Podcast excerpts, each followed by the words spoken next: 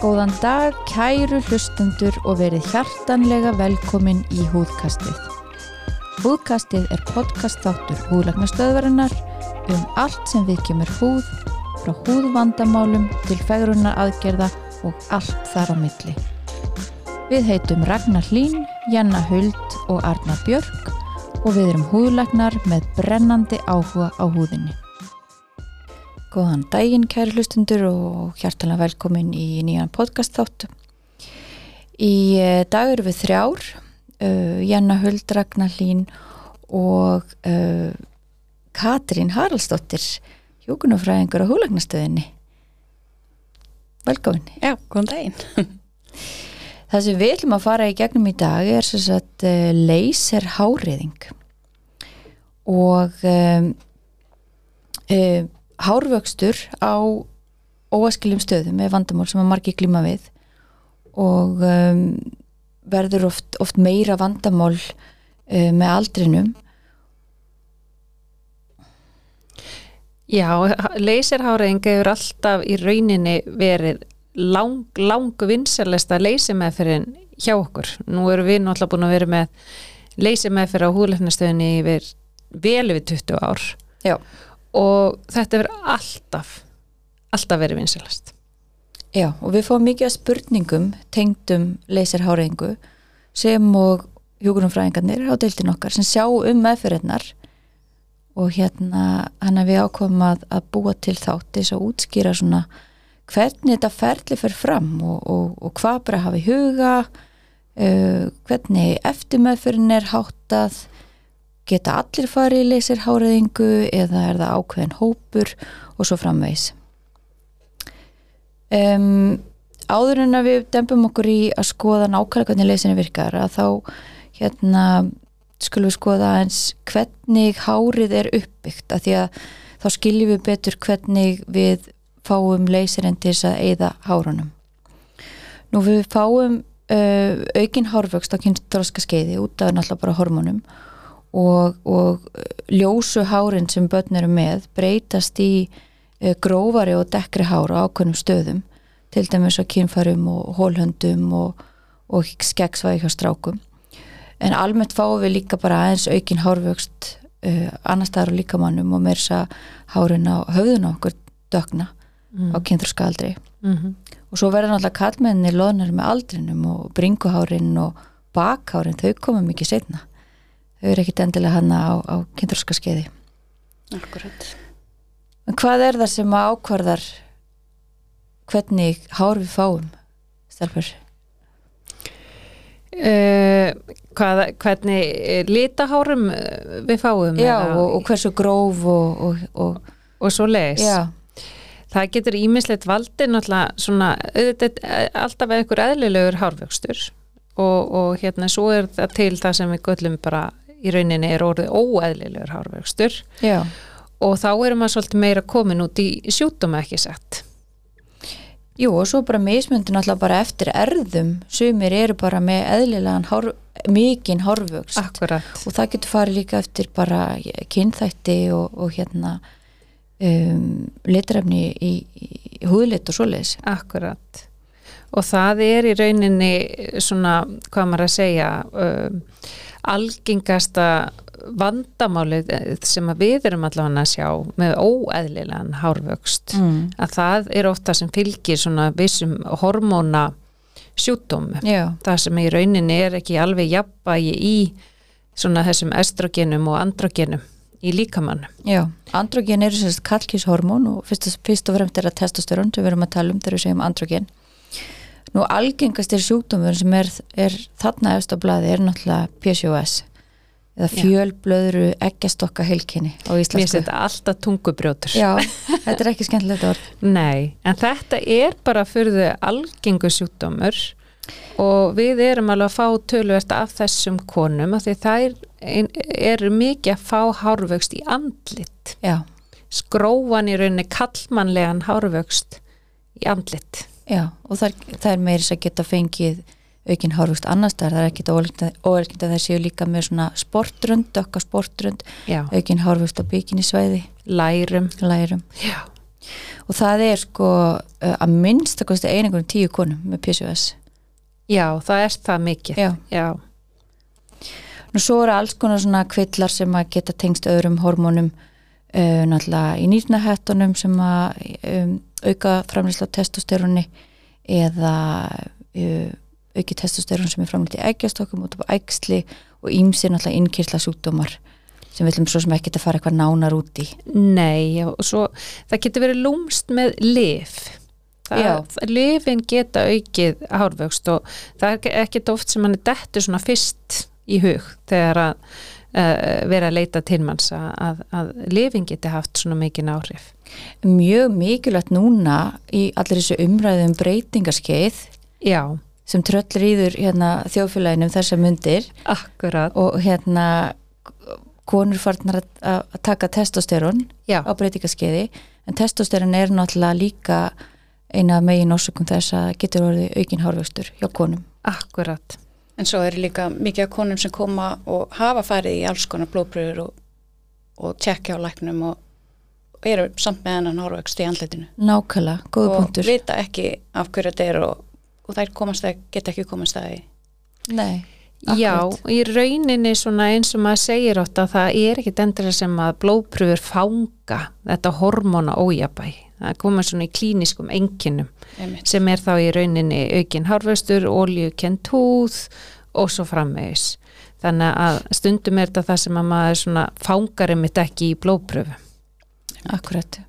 Og stundur bara finnst það engin orsök en, það er samt Já, aukin hárvöxtur og, Akkurat og hefur áhrif á, á viðkomandi. Nú, um, hárin fari gegnum mismunandi vakstafasa. Akkurat. Þetta segja okkur aðeins frá því, Katrín. Já, það er sem sagt anagenfasin, það er vakstafasin Mm. og það er fasin sem að, að við náum hárunum með leysurnum og það er allt frá að maður er að ná kannski frá 10% og getur verið alveg upp í 60% á andlitinu Mm. en kannski svona 20% cirka á restinu líkamannum. Já, Þannig að, að þess vegna er þessi, þar, þar þurfa allir að koma allavega fimm sinnum pluss.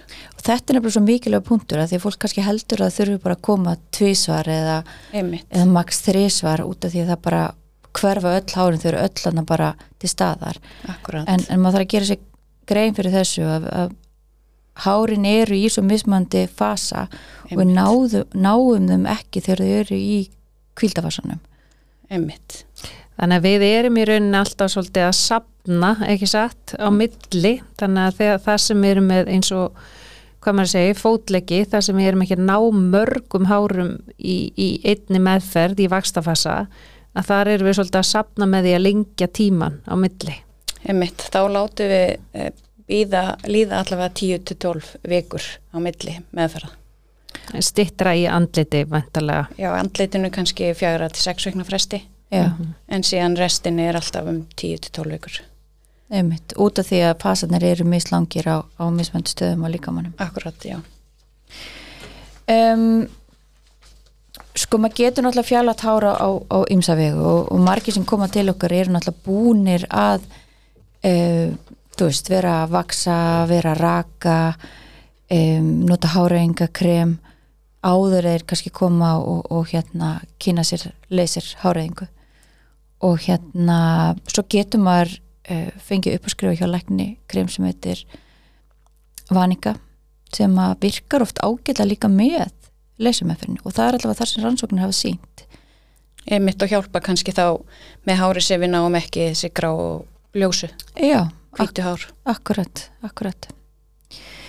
Um, Ymmið þetta, góðu punktur, þetta er alltaf heitasta spurningin og, og, og margir verða mjög sárir og reyði þegar við segjum við náum ekki ljósuhárunum mm, og, og það er einmitt hvernig virkar leysir háreyðing.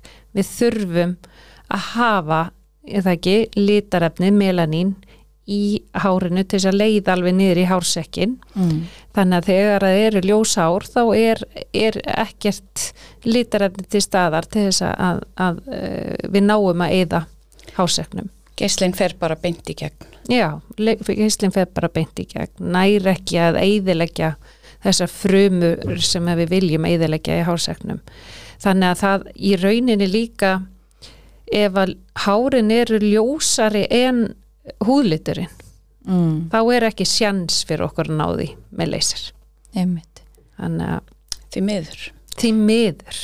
best er í raunin að hafa mjög dökk hár og mjög ljósa húð Einmitt. þá er árangurum bestur En það hafa náttúrulega orðið mikið svona, hvað maður að segja, framþróun í eh, náttúrulega eh, hérna, þróun leysitækja, háreðingu, byrjuðu mikið, sem það eru IPL, það er sagt IPL leysirar en það er í rauninni ekki réttnefni því að IPL er í rauninni ljós en ekki leysir, ekki eiginlegu leysir. En þessi meðferð hefur virkað mjög vel og, og hérna verið notið mjög lengi en svo er það þarna uh, þrennskunar aðrir leysera sem eru svona mest notaðir mm. og það er þá díót leyserinn sem hann nær svona til flestra hára hann Mm. er ótrúlega góður hann er, hann er vinnuhestur hann nær flestum já, góður á svona stór svæði Já, tekur stór st- svæði og nær svona besti grófleikina hárum er kannski hólhendur og bikini línur fyrir þann, þann leyser mm en svo er það annu tegunda leyser sem heitir Alexandrite leyser mm. hann nær aðeins betur ljósari hárum en díoleyserinn og fingerðari líka. Og fingerðari sem sagt emitt getur náð til þeirra. Já, og svo en ókostunum bæði við Alexandrite og díotleysir er að það getur verið mjög erfitt eða nær ómulett að, að eigða hárunum í dökkum húttýpum mm. og þá erum við komin í endi jakleysirin Mm að því að hann er sama sem ekkert tekin upp af melanín nær mjög djúft einmitt. þannig að þá nær hann að ferðast alveg nýr í hársekkin án þess að vera trublaður af öllu þessu litarefni sem er í dökku fólki.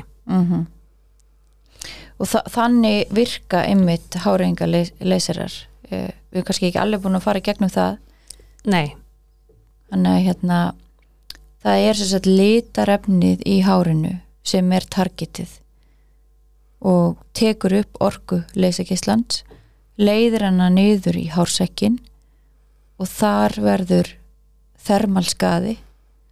Já, bruna hittaskaði já og, og, og þá í rauninni eigðilegst hárótin, það er svona Mhm. pointið með háræðingunni og, og mjög mikilvægt þarna að, og eins og Katrín og við höfum oft kannski þannig að reykja okkur á að það er mjög mikilvægt að vita hvað maður er að gera, hvaða típa leysi maður er að nota og með hvað orku. Því það ef að við eigðilegjum bara hluta hársekkin mm. að þá gerist hvað Katrín? Þá koma bara hárin aftur. Akkurat. Og þess vegna spurjum við alltaf eftir hverja meðferð hvernig það gangi. Og ef að það hefur komið svona smá pása og hárin hafa farið í svolítinn tíma kannski 2, 3 ár, 4 vikur þá vitum við að við erum að, að veita góða meðferð. Mm. en ef ekki þá þurfum við eitthvað að laga stillingar. Þannig að ef að hárin koma mjög flott tilbaka eftir leysumöfnuna að þá þá þurfum við að hugsa okkar gang. þá er kannski ekki nógu vel hérna, mikil styrt, stilt Já, á tækinu. Við getum s- stillt tækið eftir um, bæði bara styrk og hvern, hversu þykk hárin eru. Mm. það, það er hægt að gera þetta á mjög nákvæman hæ, hátt og við erum einmitt með hann endi leysir fyrir dekkri húttipur Mm. þannig að það er frábært að geta bóðið upp á það. Hvað af, af þessum leysum sem við erum búin að nefna núna hérna eru við með á húleiknastöðinu bara svo við nefnum það. Við erum með Endi Jak og Alexandrite og Díóð þess að við erum með Vectus já, og Gentle Max já þannig að við erum, rauninni erum að dekka svolítið það sem er, er hérna standardin í dag í Já. háræðingar leysir meðferðum Við erum í rauninni með svona uh, state of the art uh, við erum með, með alla þessa uh, þrjá leysera sem Mm. eru taldi bestir í háræðingu í dag ég velti stundum fyrir mér þú veist þegar að hérna nú eru margir að bjóða upp á háræðingu og, og, og þegar fólk er að e, lofa því að taki öll hár, að vera að lofa að taka ljósu hárin. Já, það er náttúrulega bara ekki hægt að koma með þá fulleringu því að leysir að ná ekki ljósum hárum. Og ég meina að það er bara vísindaleg staðurinn akkurat akkurat, þannig að mjög leiðilegt að þessi verið að setja fram einhverja svona hérna, fulleringar fulleringar Já. það er allavega alveg að reynu það, það er mjög erfitt að ná hérna, ljósum hárum og alls ekki gráum hárum eða alveg hvítum hárum. Heyrðu, geta allir farið í háræðingar leysir, Katrín? Í rauninni þá geta allir farið bara þurfa að passa sig rosalega vel að vera ekki sólbrúnir mm. vera ekki útiteknir og ekki að nota brúnkukrem fyrir meðferðina. af hverju er það? Af því að leysirinn hann, eh, ef þú ert með ljósa húð, ferð í sólina og verð brún, af því að leysirinn nemur litrefnið Mm. og, og þegar hann nemur litrefnið þá getur hann brent húðina. Þess vegna akkurat, viljum við passa upp á þetta. Því þá fer orka geislans í staðin fyrir að fara í hári sjálft. Mm að þá er það melanín eða litrefni í húðinu sem tekur upp orkuna og þá brennur fólk. Já, brotna bara á yfirborðinu og fer ekki þangað sem hann á að fara. Og svo er ekki hægt að koma heldur ef maður er ófrískur. Nei, og akkurat. hérna og það þarf að passa mjög vel upp á ef að einstakleikurinn er með tattu að fara ek ekki yfir tattúi því þá brennur það eins og með brúnkuna. Einmitt, einmitt. Og nú eru nú tattu svo, svo vinsal í dag að, að fólk er að fá sér tattu á, á hérna ímsu staði og meðal annars náttúrulega á sköflungana og, og leggina. Og svo vill að koma í háræðingu Þetta lítur að vera svolítið challenge þegar, þegar þetta kemur upp. Já, þetta getur verið challenge en við getum bóðum upp á tattúeðingu fyrst. Já, Góður. Kóðubundur En hvað á fólk að gera svona áður að kemur í háræðinga leysir? Við, við erum með svona ákveðna leiðbynningar sem við gefum fólki. Það er, það er mjög mikilvægt að fylgja þessu. Við erum búin að nefna þetta með að, að passa sig að vera ekki sólbrúðn og, og alls ekki nota brungukrem sem verist vera svona algengur miskilingur hjá fólki. Já, einmitt. Fólk kannski, að því það er náttúrulega líka mjög algengt í dag fólk er að nota mikið af brungukremum og, mm og hérna sem er mjög jákvætt. Sem er mjög jákvæmt, við erum bara all for that Já. sko. Já, en, en bara alls ekki áður og kemur í maður Já, eða bara leysa meðferð yfir höfuð já, eða leysum Já. við fyrir höfuð þá er það alltaf þetta en það sem að er mjög mikilvægt ef þú ert að koma í háræðingu og andliti að vera sem sagt ekki brún ekki vera með frunsu og ekki plokka eða nota eða fara í vaks eða neitt svoleiðis að þá eru engi sekkir til staðar. Og ef þú ert með frunsu þá hún getur dreifst um. Já, þannig að það þarf að hætta að plokka fjórum vikum fyrir og raka bara fyrir tíman Það vantar okkur hennan litla hárstupp stupp til þess að leiða onni í hársekkin. Að með ekki sett, annars er hann farin ef við plokkum hann í burtu. Annars er þetta náttúrulega bara tilgáðslist eða mm akkurat. Og síðan um, um, um, síðan hérna um, við erum svo sem búin að fara svolítið í gegnum þessa leysera sem við erum með á, á húlæknastöðinni Já, ég líka bara eitt með það, þú veist að, að það er í rauninni tvenns konar aðferðir til í dag við að eyða hárum eða háreðingaleysirar. Það er Mm. tvenns konar. Það er í rauninni allir þessi hefðbundnu, eh, við notum í rauninni þessa hefðbundnu aðferð þar sem að, að leysir hausinn er settur e, við húðina mm og, ley, og leysir skotum skotið. -hmm. svo fært yfir og, og þannig gert alveg jamt yfir allt svæði Mm þannig að það er svona snerting. Svo er önnur aðferð til sem kom fyrir nokkrum árum og þá í rauninni sett gél Mm. og svo leysir hausinn í rauninni færður svona jafnt og þétt yfir svæðið og í rauninni svolítið bara hitað upp húðina jafnt og þétt með því að færa jöfnum með jafnri hreyfingu. Í gegnum gelið í reg- gegnum gili þannig að það kemur í rauninni ekki beint við húðina. Og það hefur verið gerð rannsókn á því hvort, hvor aðferðin er betri. Mm. og þá náttúrulega sést að þegar þú ert með gelið og þarft að vera á stöðuri hreyfingu og hita upp húðina jafnt og þétt. Mm. Að hún er mjög háð meðferðar aðeila mm. hver þjálfaðu meðferðar aðeilin og hver góða meðferð hann er að beita mm þannig að í rauninni er hinn þessi hefðbunna að fyrir að koma betur út í rannsóknun þannig að svona systematist bara ferði gegnum svæðið já, og dekkar allt. Mm það er nákvæmara. Það er nákvæmara. Ok, ok. Og þannig gerum við á húleiknastöðinni akkurat. Heyrðu um, hvaða aukaverkari getum að fengið? Um, sko hver og einn einstaklingur er misjafn mm. og það eru ekki alla stillingar sem henda öllum. Nei, þannig að það er, er einstaka sinnum sem að hérna, það getur komið blöðrur en það er greiðlega óalgengt. Mm. en það sem við viljum sjá er erting í hárseknum við Ok. viljum fá svona hársekjabólgu það er bara mjög eðlileg aukaverkun. Þá vitum við raunin að það er eitthvað að gerast þarna. Akkurat, svona í rauninni endpointið er það ekki? Jú. þú veist að fá smá bjú hérna fá smá Kring. bjú í hársekkin. Já, Mm. og e, það getur komið róði en vanalega hverfur það mjög fljótt. Og þá er það sérstaklega kemur smá róði þegar við erum að eða hárum í andliti. Mm. en sjaldan ef við erum að eða á líkamannum ok, ok og hérna hvað þarf maður svo að hafa svona huga eftir eftir að maður er búin að vera í leysum eftird getur maður að fara bara beint í sólina svo, beint í tenni það má alls ekki fara beint í sólina nei þú verður að nota sólavörn og þú þarft að býða í allavega viku mm.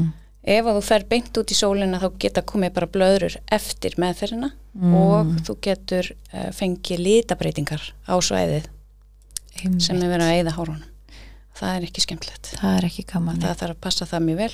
Sleppa líka bara allir líkansrætt heitum pottum og svoleiðis í 24 tíma og eftir. Mm. þannig að já, og alls ekki fara í ljós heldur. Nei alls ekki.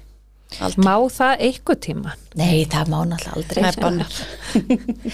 Vist að stundur svona svolítið fyndi þegar maður þarf að taka það fram en, en ma maður þarf náttúrulega að gera það samt sem áður. Já, já, um, Má fólk bera á svo brungukrem fljótlega eftir? Er það alveg leið? við mælum ekki með því Nei, það er bara eins með sólina og brunkukrem við bara ekki hætta á það að, að erta húðina nei, með efnum ok Og hvað þarf fólk að koma oft? Hvað eru við hérna hvað eru við að mæla með?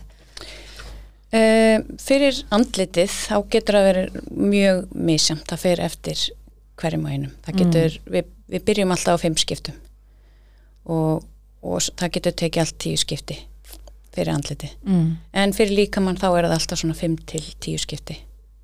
Þannig að þetta- er raun- rauninni mjög persónubundið Mjög personbundi, já, eftir, eftir hverjum einum og svo náttúrulega ef það er eitthvað svona undirliggjandi ymmit. já, og það er náttúrulega gefur auga leið að kallmenn vantarlega eru með miklu þjættari hárvöxt heldur en konur og það tekur náttúrulega miklu lengri tíma vantarlega Já, þeir þurfa oft að koma oftar og, og oft koma kannski konur uh, fyrir andlitið fimm sinnum eða eitthvað svo leis, fimm til tíu sinnum mm -hmm. og fá góða pásu en kannski koma aftur eftir eitt, tvö ára aftur og þurfa aftur að koma í 5-10 skipti. Mm ef þau eru með undirleikjandi já, ykkur á svona hormóna óreglu eins og við vorum að ræða hérna áðan. Já, eins og PCOS en svo ge- geta verið hár í dvala alltaf 5 ár þannig að stundum koma konur og klára mest allt, mm -hmm. koma síðan í viðhalsmeðferð kannski til þess að klára ef það koma hár hér og þar einu ári, tveimur árum eftir meðferð Já, Líkur. einmitt. og þetta er náttúrulega líka, þetta er bara opaslega góður punktur og mikilvægt að atrið að ræða að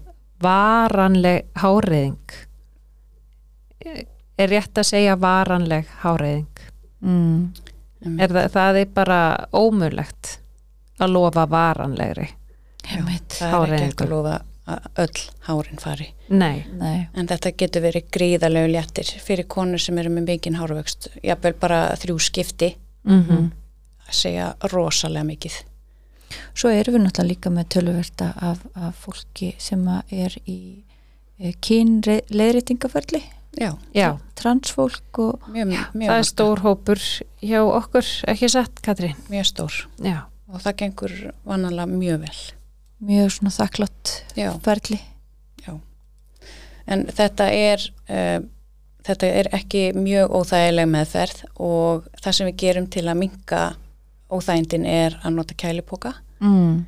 Uh, sumir þurfa það ekki en það er einmitt mjög einstaklingsbundi uh, og síðan erum við með annan leysir sem að kælir áður en skoti kemur í húðina. Þannig að Einmitt, með svona, inn, innbyggt kæltæki í rauninni. Já, já, akkurat. Hva, hvað finnst þér, Katrín, vera svona að því nú hittir þú svo marga sem er að koma og, og vilja þessa meðferð, hvað finnst þér að vera svona algengasta algengastu spurningarnar? uh, algengustu spurningarnar eru hvað þarf ég að koma oft? Já, mm. uh, Já. Og hvað á ég að gera þegar ég fer hérðan já.